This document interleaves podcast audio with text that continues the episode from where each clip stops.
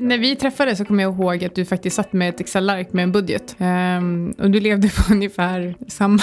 Ja, men det hade räckt i 10 000 år ungefär. Men man kan ju aldrig vara riktigt säker på vad myndigheterna ska ställa till med.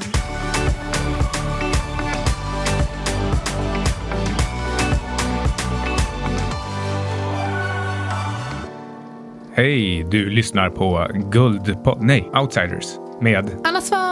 Och Carl Mikael Syding. Och eventuellt, Guldmannen. och eventuellt Capex. Ja, just det. Vi har en liten hund här som gillar att föra oväsen.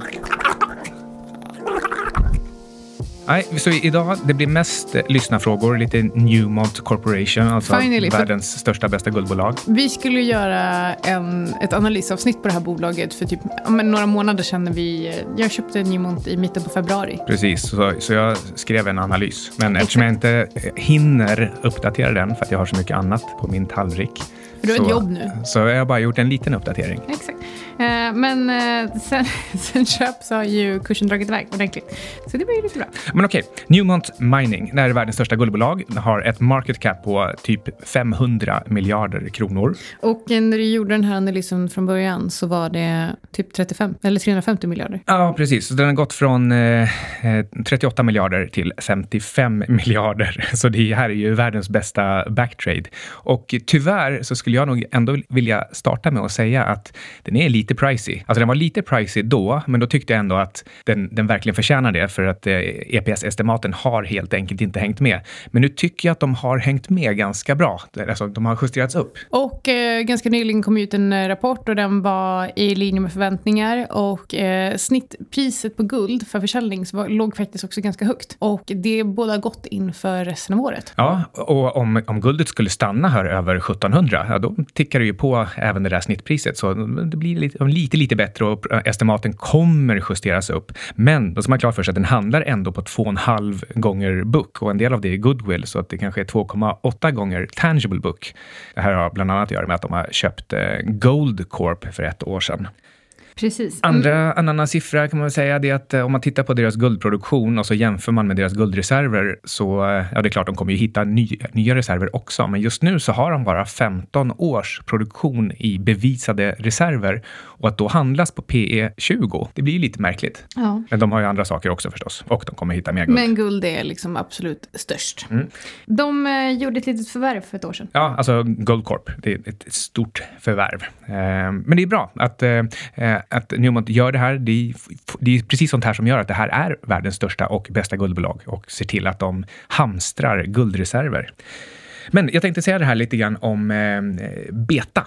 Kursen är alltså upp drygt 50 procent i år och guldpriset är upp 15 procent. Så det är alltså mer än tre gånger kursbeta. Men det är också lite, när vi, jag säger ju ofta att jag inte köper gruvbolag och säger att det är min exponering mot guld eftersom att du också tar en bolagsrisk när du köper gruvbolag. Men med bolagsrisk, hög risker, hög avkastning. Vem är det som säger sådana dumheter? Jag vet inte. Men eh, det var, det var någon som var lite arg på mig för några veckor sedan. När jag, när jag, ehm, det, var, det var någon som skrev eh, något i stil med att eh, råvaror är en sektor. Så vilken, och, och, och då sa jag att nej, men råvaror är inte en sektor, det är liksom ett eget tillgångslag. Så han men Swedbank har en fond och de säger att råvaror är en sektor, men jag antar att de har fel. Och jag bara, men de köper ju råvarubolag. Jag köper ju den direkta råvaran. Ehm, men jag köper också gruvbolag, men det ligger i min aktieexponering. Jag allokerar lite bland sektorer beroende på vad jag tycker ser intressant ut. Och eh, gruvbolag är fortfarande intressant, även om precis som du säger att Newmont är lite pricey, men å andra sidan förväntar jag mig att guldet ska upp ytterligare och eh, det kommer driva på priset. Och det är så att tittar man på Newmont, vad de har för eh, all in kostnad för att ta upp guldet och man tittar lite grann på vad de har för overheadkostnader och liknande, så i praktiken så har Newmont som bolag 2,5 gånger i operationell hävstång. Det betyder alltså att om eh, operationell hävstång med fokus på just guldpriset, vilket innebär att om guld stiger med 10% så stiger deras vinst med 25% Så även om priset är upp tre gånger så är det alltså bara lite mer än vad själva deras operationella beta säger att de skulle ha gått upp. Så att de har ju faktiskt bara så att säga, taktat på 20% extra jämfört med vad, vad guldpriset egentligen motiverar. Och det här är från en nivå då faktiskt alla guldgruvor har laggat guldpriset priset något enormt. Så ur det perspektivet så finns faktiskt för, för hela GDX, alltså hela den här guldgruvekollektivet, så finns faktiskt väldigt mycket fortfarande att ta igen mot det guldpriset redan har gjort. Jag såg att vi fick en annan fråga i samband med Newmont och så också. Någon som frågade, eller som skrev häromdagen, ni äger väl också Gran Colombia? Och det var ju också nämligen så att vi, och det här pratade vi om redan då i mitten på februari, att eh, vi sålde av Colombia, Gran Colombia. Det finns flera avsnitt om det, jag har skrivit om det på Twitter också, varför. Och eh, då blev Newmont eh, ersättaren skulle man kanske kunna säga. Precis, och anledningen till att vi sålde Goldman, vad heter de, Gran Colombia, det var ju mycket en fråga om vad vi tyckte om bolagets ledning och lite hur de betedde sig. Precis, det var en etisk fråga och på den fronten är Newmont faktiskt best in class. Så det känns bra. Mm, um... Ska vi gå vidare lite till andra ädelmetaller innan vi läcker över på lyssnarfrågor? Gör så. Nå någon vit metall. Silver är den mest reflekterande metallen. Det är den finaste metallen, är det många som tycker. Kanske jag faktiskt också håller med. Alltså jag leker hellre med silvermynt än, än guldmynt. Okej, okay, toppen. Jag tänkte att jag skulle prata om palladium. Eller, du kan, eller hade du något mer att säga om silver? Eller var det liksom... Nej, det var min, min input. En gång i tiden handlades guld och silver ett till ett i pris. Ja. Jag tror inte det kommer tillbaka. Just nu är den på 100x. Ja.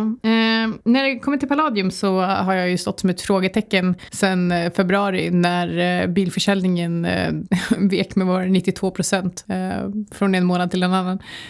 Och palladium driv, 85 procent av demand av palladium kommer från bilproduktion. Tur att du inte tror på effektiva marknader utan insåg att här finns ju faktiskt pengar på gatan. Ja, exakt. Så jag sålde hela min palladiumposition som hade gått jättebra innan dess. Så sålde den. Priset drog upp ytterligare och jag tänkte att då blev det definitivt som så att det inte existerar någon effektiv marknad. Det blev väldigt tydligt. Och eh, sen föll priset ganska ordentligt. Väldigt ordentligt. Men inte alls till den typen av låga nivåer som jag hade förväntat mig. Jag tror att nu handlas den kring ungefär samma nivåer som det var oktober 2019. Och bilförsäljningen är betydligt mycket lägre än oktober 2019. Men jag har en liten teori om vad det här beror på. Berätta. Och jag har inte det här backat av fakta överhuvudtaget, så det här är bara en idé.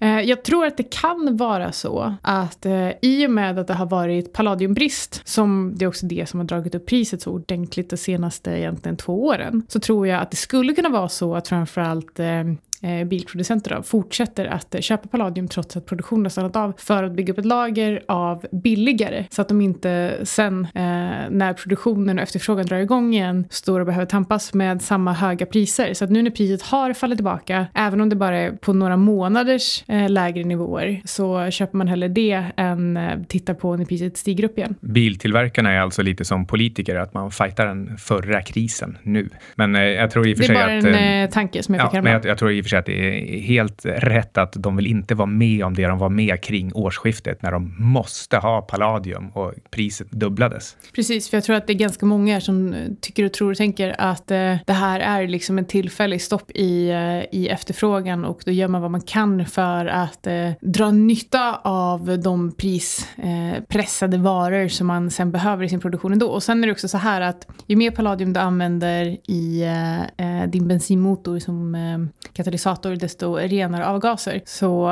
man kommer ändå behöva öka upp andelen palladium. Eh, och palladium är en ganska stor del av kostnaden för att tillverka en bil. Det kanske blir en eh, framtida gängbusiness att skrapa palladium ur katalysatorer. Japp. En, eh, en sån här collateral damage för palladium är att när du jagar så mycket palladium du kan få tag på, då skapas det också extremt mycket platina som ingen vill ha. Och det är därför det priset är så, så himla svagt. Och det gör också att eh, du som sitter där och tänker, ja, men brukar inte de här handlas ungefär lika? Eh, ska man inte liksom passa på att köpa platina nu? Så nej, dynamiken funkar inte riktigt så. Platina används ju som katalysator i, i dieselmotorer. Du kan vara en dieselmotor. Nej, jag är en Tesla. Ja, och alla vet vad jag tycker om Tesla. Rent bedrägeri. Rent bedrägeri. Jag såg en Tesla idag förresten, en M3. Självklart med sådana här panel gaps. Alltså det ser ut som att dörrar och baklucka och sånt där inte är riktigt stängda, eller i alla fall bara på ena sidan, lite så här skeva. Det är så de tillverkas. Du kan vara skev. Men vill du säga något mer om platina? Eller vill du att vi går vidare till eh, Twitterfrågorna? Twitter. Okej, det här är ju... Vi har faktiskt inte förberett några svar, så det här kommer rakt från hjärtat höll jag på att säga. Så säg inget dumt. Och eh, om vi gör det, Alex, klipp bort det. Jag tänkte att eh, första frågan är, det blir väldigt gott och blandat, vi har inte något som helst tema. Vi har en person som frågar, jag har alltid undrat vad ni tänker har för åsikter om FIRE-rörelsen. Och då är alltså Financial Independent eh, Retire Early. Ja, jag är ju en lite så eh, affärs... Vad heter det? Poster...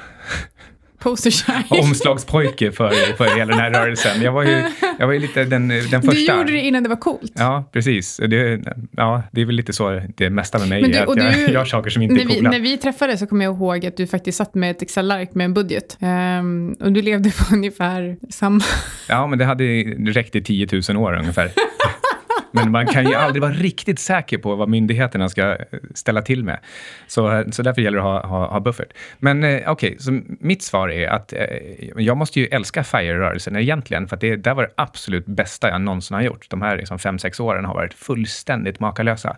Men så till slut så kände jag ändå att eh, nu saknar jag ett eh, sammanhang. Eftersom ingen annan är ledig och de som är lediga, de sysslar med så skeva saker, så, eh, så behöver jag mer intellektuellt tuggmotstånd och en och ramar i tillvaron. Och då får det faktiskt bli ett seriöst jobb. Det finns en poäng med att, att eh, ja, ha, ha ramar. Inte ens det här poddandet och bloggande och skrivande räckte alltså. Så när jag flyttar ut ungefär lagom till det, då, tyckte, då bestämde sig Micke för att han kunde börja jobba för mig istället? Ja, så jag har dessutom eh, klippt mig. Jag var höstfrisör för första gången på 20 år, så jag klipper mig, skaffar ett jobb, blir eh, en, en, en seriös samhällsmedborgare, inte bara en seriös affärsman man alltså. Sjukt. Så eh, vi älskar FIRE-rörelsen. Jag älskar att du säger vi, jag har inte ens fått svara än. Se upp med vad du önskar dig. Jag eh, tycker att man ska göra exakt det man själv känner att man eh, mår bra. Eh, och jag tycker att man, eh, jag har liksom inte alls någon åsikt, någon specifik åsikt om rörelsen. Den är inte för mig. Jag eh, drivs av att göra affärer. Jag tycker att det är väldigt, väldigt roligt. Så att jag har väldigt svårt att se hur jag skulle hamna i en situation där jag känner att jag bara skulle vilja göra något annat. Jag tror ingen ska chansa på att sluta och ändra sitt liv helt och hållet. Man eh, mår, de flesta riktigt rika som slutar, de slutar kanske bara på ett kontor, men de gör exakt samma saker. Alltså till exempel investerar stort. Och sen skaffar de kontoren då ja. med andra som är likadana. Exakt. Ehm, så, så eh, det här att, eh, att verkligen pensionera sig med fokus på att man ska göra ingenting eller ligga en hängmatta och läsa böcker, göra något helt annorlunda än man brukar. Det tror jag verkligen inte funkar. Men däremot så testa gärna. Alltså verkligen, verkligen testa. Lite som när jag köpte sportbilar. Man, man testar någonting, men man ska vara väldigt, väldigt beredd och öppen på att det antagligen eh, också ändras snart, så att man inte tror att det är för resten av livet. Jag har ett förslag. För den som är intresserad av FIRE-rörelsen, varför tar man inte ett år då? Ett år, ett år ledigt och gör exakt det och funderar på, och så vet man att det här är inte någonting som jag måste bestämma mig för att jag ska göra resten av livet och om jag bestämmer mig för att börja jobba så är det ett misslyckande, utan då har jag i alla fall testat och då vet jag att eh, om det här inte är för mig, då om ett år så är min plan ändå att börja jobba igen. Och då har man, då har man väl, verkligen utrymme att fundera på vad man vill göra, plus att eh, man inte behöver riktigt lika stor budget. Nej, inte lika stor budget som FIRE-festivalen. Så eh, med de orden så kan man väl sammanfattningsvis säga att vi är väldigt för att eh, lämna normalitet bakom sig för att fundera på vad det är man verkligen brinner för. You are fired. Jävla dåliga. Någon skriver här, jag är väldigt intresserad av att höra mer om portföljsammansättning. Och eh, jag vet inte, ska man ta upp eh, resten av detaljerna här? Guld, silver, kryptor. Är de enkla? Aktier, fundamental analys är svårt. Index är tråkigt. Japp. Eh, kvantitativa strategier är spännande. Kul. Alltså, så här, jag, portföljsammansättning och eh, systematiska strategier eller diskretionära strategier är någonting som upptar mitt huvud så att jag inte kan sova just nu. Jag eh, har precis börjat lära mig eh, Python och eh, sitter och bygger systematiska varianter av eh, Cygnus, vilket är svinkul. Men eh, i och med att det inte går att bygga en helt passiv eh, eh Allokering. så eh, pillar jag med lite andra alternativ som jag tycker är väldigt spännande. Så att det finns jättemycket olika saker som man skulle kunna säga, men jag tror att det absolut viktigaste när man sätter ihop en portfölj, det är att se till så att man har olika, do, olika delar som har låg korrelation till varandra. Så länge du, du kan tro att du är diversifierad för att du sitter med olika sektorer och branscher, men aktier är ett tillgångslag och aktier tenderar att korrelera med varandra. Så det spelar liksom ingen roll när det väl räknas. Och eh, det här är skitsvårt, men börja med att titta på korrelation korrelationsfrågan. Jag skulle säga att det är det absolut viktigaste för att över tid dra ner volatiliteten och eh, därmed också drawdowns i portföljen. Jag tycker att de allra flesta ska fokusera på att lägga så lite tid som möjligt och eh, ha så låga förhoppningar man kan tänka sig på att försöka slå någon annan, någon, proffsen eller liksom genomsnittet. Och eh, jag tycker att den, den enklaste gratislunchen på marknaden, det är en, en portfölj med till exempel 80% globala aktier och 20% guld och omvikta den här, alltså re rebalansera den till 80-20 en gång om året. Inte mer än så. Skulle jag själv starta en ETF just nu så skulle det vara exakt det den gjorde. En affär om året, ombalansering 80-20 aktier guld. Om du ska starta en ETF så är kapitalkravet 200 miljoner och då är det alltså inte EUM utan då är det vad du behöver ha i kassan. Ja, jag ska inte starta en ETF. Jag kan starta en fond istället. Jag är expert på fondstrukturer.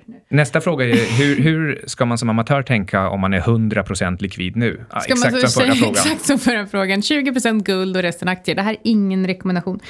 Aselio och var ni ser bolaget inom fem år. Jag svarade med en raket och så skrev att det här är ingen rekommendation. Jag tror inte att det är alls konstigt att tänka sig att den står ungefär eh, 10 till 20 gånger så högt som idag. Alltså vi pratar 100 till 200 kronor per aktie. Jag tror att då har, vi, då har de hunnit eh, leverera på 2024, vilket borde vara en omsättning på i alla fall 15 miljarder. Det vill säga att de har fyllt den första linan i den första fabriken alltså den som redan står där.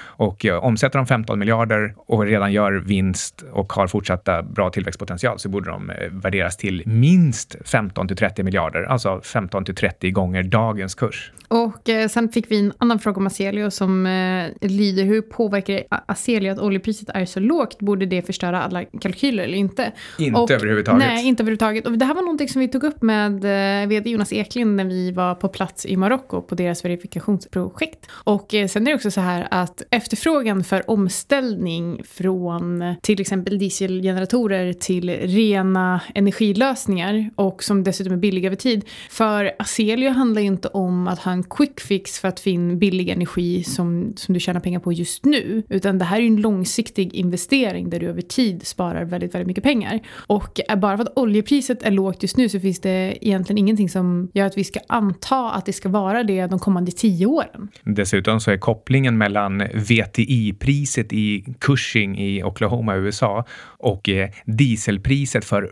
faktiska dunkar på plats på afrikanska landsbygden, den är nästan noll. Du ska ta dig förbi allt, alla svinn och stölder och grillor och eh, du ska dessutom, ja, punkterade däck och allt vad det nu kan vara för någonting. Eh, dieselpriset och framförallt eh, leveranssäkerheten och miljöaspekten, de fullständigt dränker eh, den här frågan om att eh, VTI-oljan tillfälligt är lite billig råoljepriset och vad dieseln kostar på en otillgänglig plats i världen eh, har ju väldigt lite med varandra att göra. Eh, huvudsyftet är ju också en grön omställning eh, eh utöver att man vill sänka kostnaden och den gröna omställningen är ju lika viktig oberoende av vad oljan kostar. Vi, vi kan ju inte fortsätta att, att bränna olja på grund av CO2-utsläppen eh, som också är en väldigt, väldigt viktig eh, faktor i den här omställningen. Nästa fråga. Är indexinvesteringen, till exempel att investera i en passiv global fond, dömd att misslyckas över tid? Och då var det någon annan på Twitter som svarade att med tanke på att OMXS30 typ är flat på fem år så verkar det så helt sjukt egentligen att vi sen köp Avanza Zero har gjort så många i Sverige fattigare. Jag tänkte att jag kan säga någonting om det.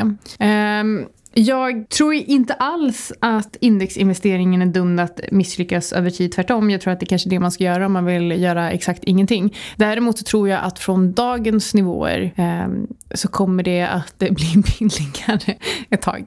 Men eh, det är ingen hemlighet att vi, att vi känner så. Eh, men ja, det stämmer att OMXS30 typ är flat på fem år och en annan sak som vi har haft uppe för diskussion i den här podden är ju, kommer vi istället se Ehm, aktieindex eh, tugga, i, ehm, tugga i sidled men med hög volatilitet. På, alltså mycket på grund av att eh, ekonomin är svag men så pumpar vi in stimulanser. Så det finns, det är liksom väldigt svårt att veta för ekonomin hänger inte alls ihop med marknaden just nu. Vad, vad tror du Micke om indexinvesteringar över tid från och med nu? Alltså jag tror att det är det absolut enklaste och bästa man som privatperson kan göra. Att helt enkelt köpa ett globalt aktieindex och inte göra något särskilt mer över tid. För då då, då får du som snittet och du, du är med på den ekonomiska tillväxten i världen.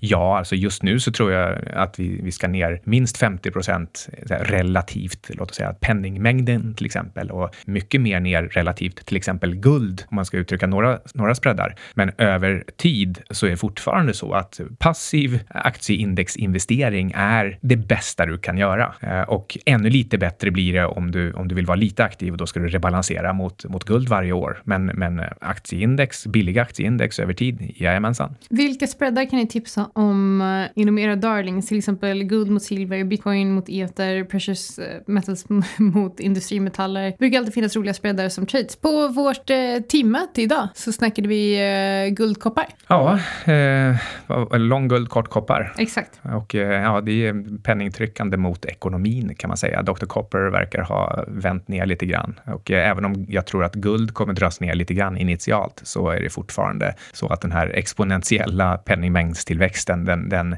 den ger en väldigt fin medvind för guldet över tid. Och jag tror inte guldet kommer falla liksom mer egentligen än det gjorde i, i mars. Eh, jag har en annan spread som inte står där och det skulle vara gold miners mot bankindex. Mm, det låter intressant tycker jag. Och eh, ja, vad ska vi säga om guld och silver? Jag, jag tror att om jag du... Skulle inte vilja köra, jag skulle inte vilja göra en sån spread. Nej, det skulle inte jag heller vilja göra. Men om jag, om jag blir tvungen, så nu när det är ganska exakt 100x mellan, så tror jag att om... Eh, så kör du silverguld? Eller? Om, om ett år så tror jag att eh, precis spreaden är mindre än 100x, så att man ska köpa silver. Men, Men det, eh, känns som en, det känns som en konstig trade att ta. Jag tror, ja, ja, absolut. För jag tror att det finns fortfarande risk att den här spreaden går mot 200x när ekonomin vänder ner på allvar här i höst. När AI gör sin stora entré i aktievärlden, hur kommer aktiehandeln förändras? Alltså, AI har redan gjort en stor entré sedan länge och jag menar, vi skyllde väl på algohandel redan på 80-talet. 1987, den nedgången var sådana, vad heter det, insurance, portfolio insurance, datorstyrd. Um, hur, ja, vet, nej, du, vet du hur mycket av handeln som är i själva algos idag? 80-90 procent. Ja, så att eh, den kan man kan säga så här, den har redan gjort sin stora entré eh, och eh, om inte du ser någon förändring i aktiehandeln så är det för att du inte förstår vad som är algos och vad som inte är algos. Men okej, okay, jag skulle kunna, vi, vi tolkar positivt här. Mm. Antag att vi pratar om fundamentala rekommendationer. Det är verkligen att aktieanalytiker byts ut mot en liksom stark, stark AI som går igenom fundamenta. Det finns och, då har vi, då, och då slipper vi all rankning, vilket innebär, för rankning leder ju till att aktieanalytiker inte kan sätta en riktkurs för långt ifrån dagens kurs. Mm. Nej, nu skulle de faktiskt verkligen ta hänsyn till alla fundamentalvariabler, räkna ut ett, ett faktiskt bästa estimat av vad bolaget faktiskt är värt och kanske rangordna alla aktier, ha en ständigt uppdaterad rangordning på alla aktier, vilken som är billigast, vilken som rent resultatmässigt, kassaflödesmässigt kommer ge dig bäst avkastning underliggande. Ja, det är nog inte jättelångt borta. Det, det, det finns fonder som har eh, försökt med det här, till och med inom Brummer och Partners redan för, ja, de, de startade Archipel startade ju innan jag slutade, så det är nästan tio år sedan som Archipel, eh, men, men det gick inte så bra för den. Eh, men själva, själva idén finns definitivt där ute. Och, eh, eh men jag tror ändå inte att det ger så stor effekt, för det är så liten del av marknaden som handlar om fundamenta ändå. Och de som vill köpa och sälja på fundamenta, de vill att det ska vara en människa som sitter där. Sen kanske det är en AI som berättar för människan vad den ska berätta för kunden, men det kommer inte vi märka något av. Jag tänker att vi har faktiskt bara tid med en fråga till. Um, i det här avsnittet. Så jag tänker att vi um, kör uh, cryptomining efter halveringen. Bara slänger in en... Uh, ja, är det var någonstans är det fortfarande värt att göra det? Och uh, vad snittkostnaden att gräva fram en bitcoin är. Och snittkostnaden nu efter halveringen är 12 till 15 000 dollar och priset handlas nu till typ 9 600 dollar när vi spelar in det här avsnittet. Uh, så det finns ju fortfarande lite att, att hämta där. Det betyder alltså att i genomsnitt så förlorar man massor med pengar på att gräva, gräva coins nu. priset, måste gör, alltså, liksom. priset måste alltså upp rejält, ändå, ja. alltså 30 till 50 procent för att, för att det ska bli lönsamt för de flesta.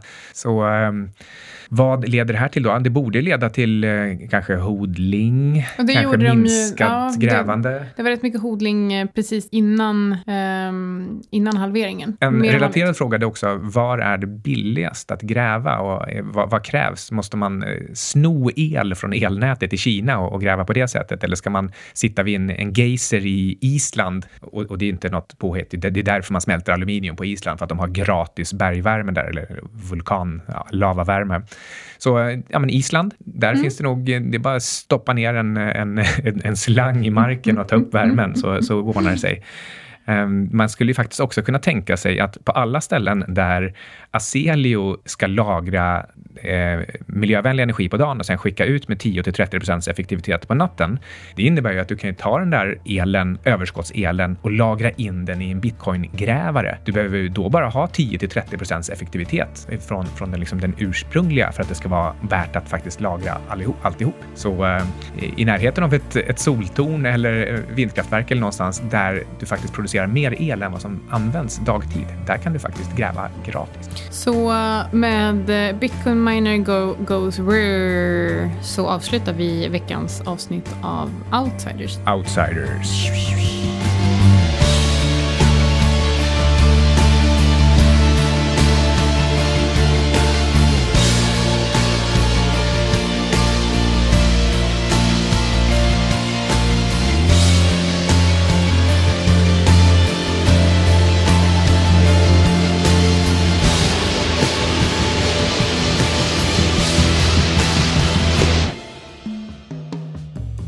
Ingenting som du har hört i uh, Outsiders har varit någon typ av uh, rekommendation. Så hur du än gör, försök inte få det till en rekommendation heller, utan alla placeringar är förknippade med risk som gör att du kan förlora hela eller delar av ditt kapital. Vi äger emellanåt uh, vissa av tillgångarna som vi diskuterar i den här podcasten och våra sponsorer tar inget som helst ansvar för hur du handlar i de tillgångarna. Podcasten är menad för information och underhållning även om vi förstås själva gör så gott vi kan när vi tittar på de olika tillgångarna. Hej då!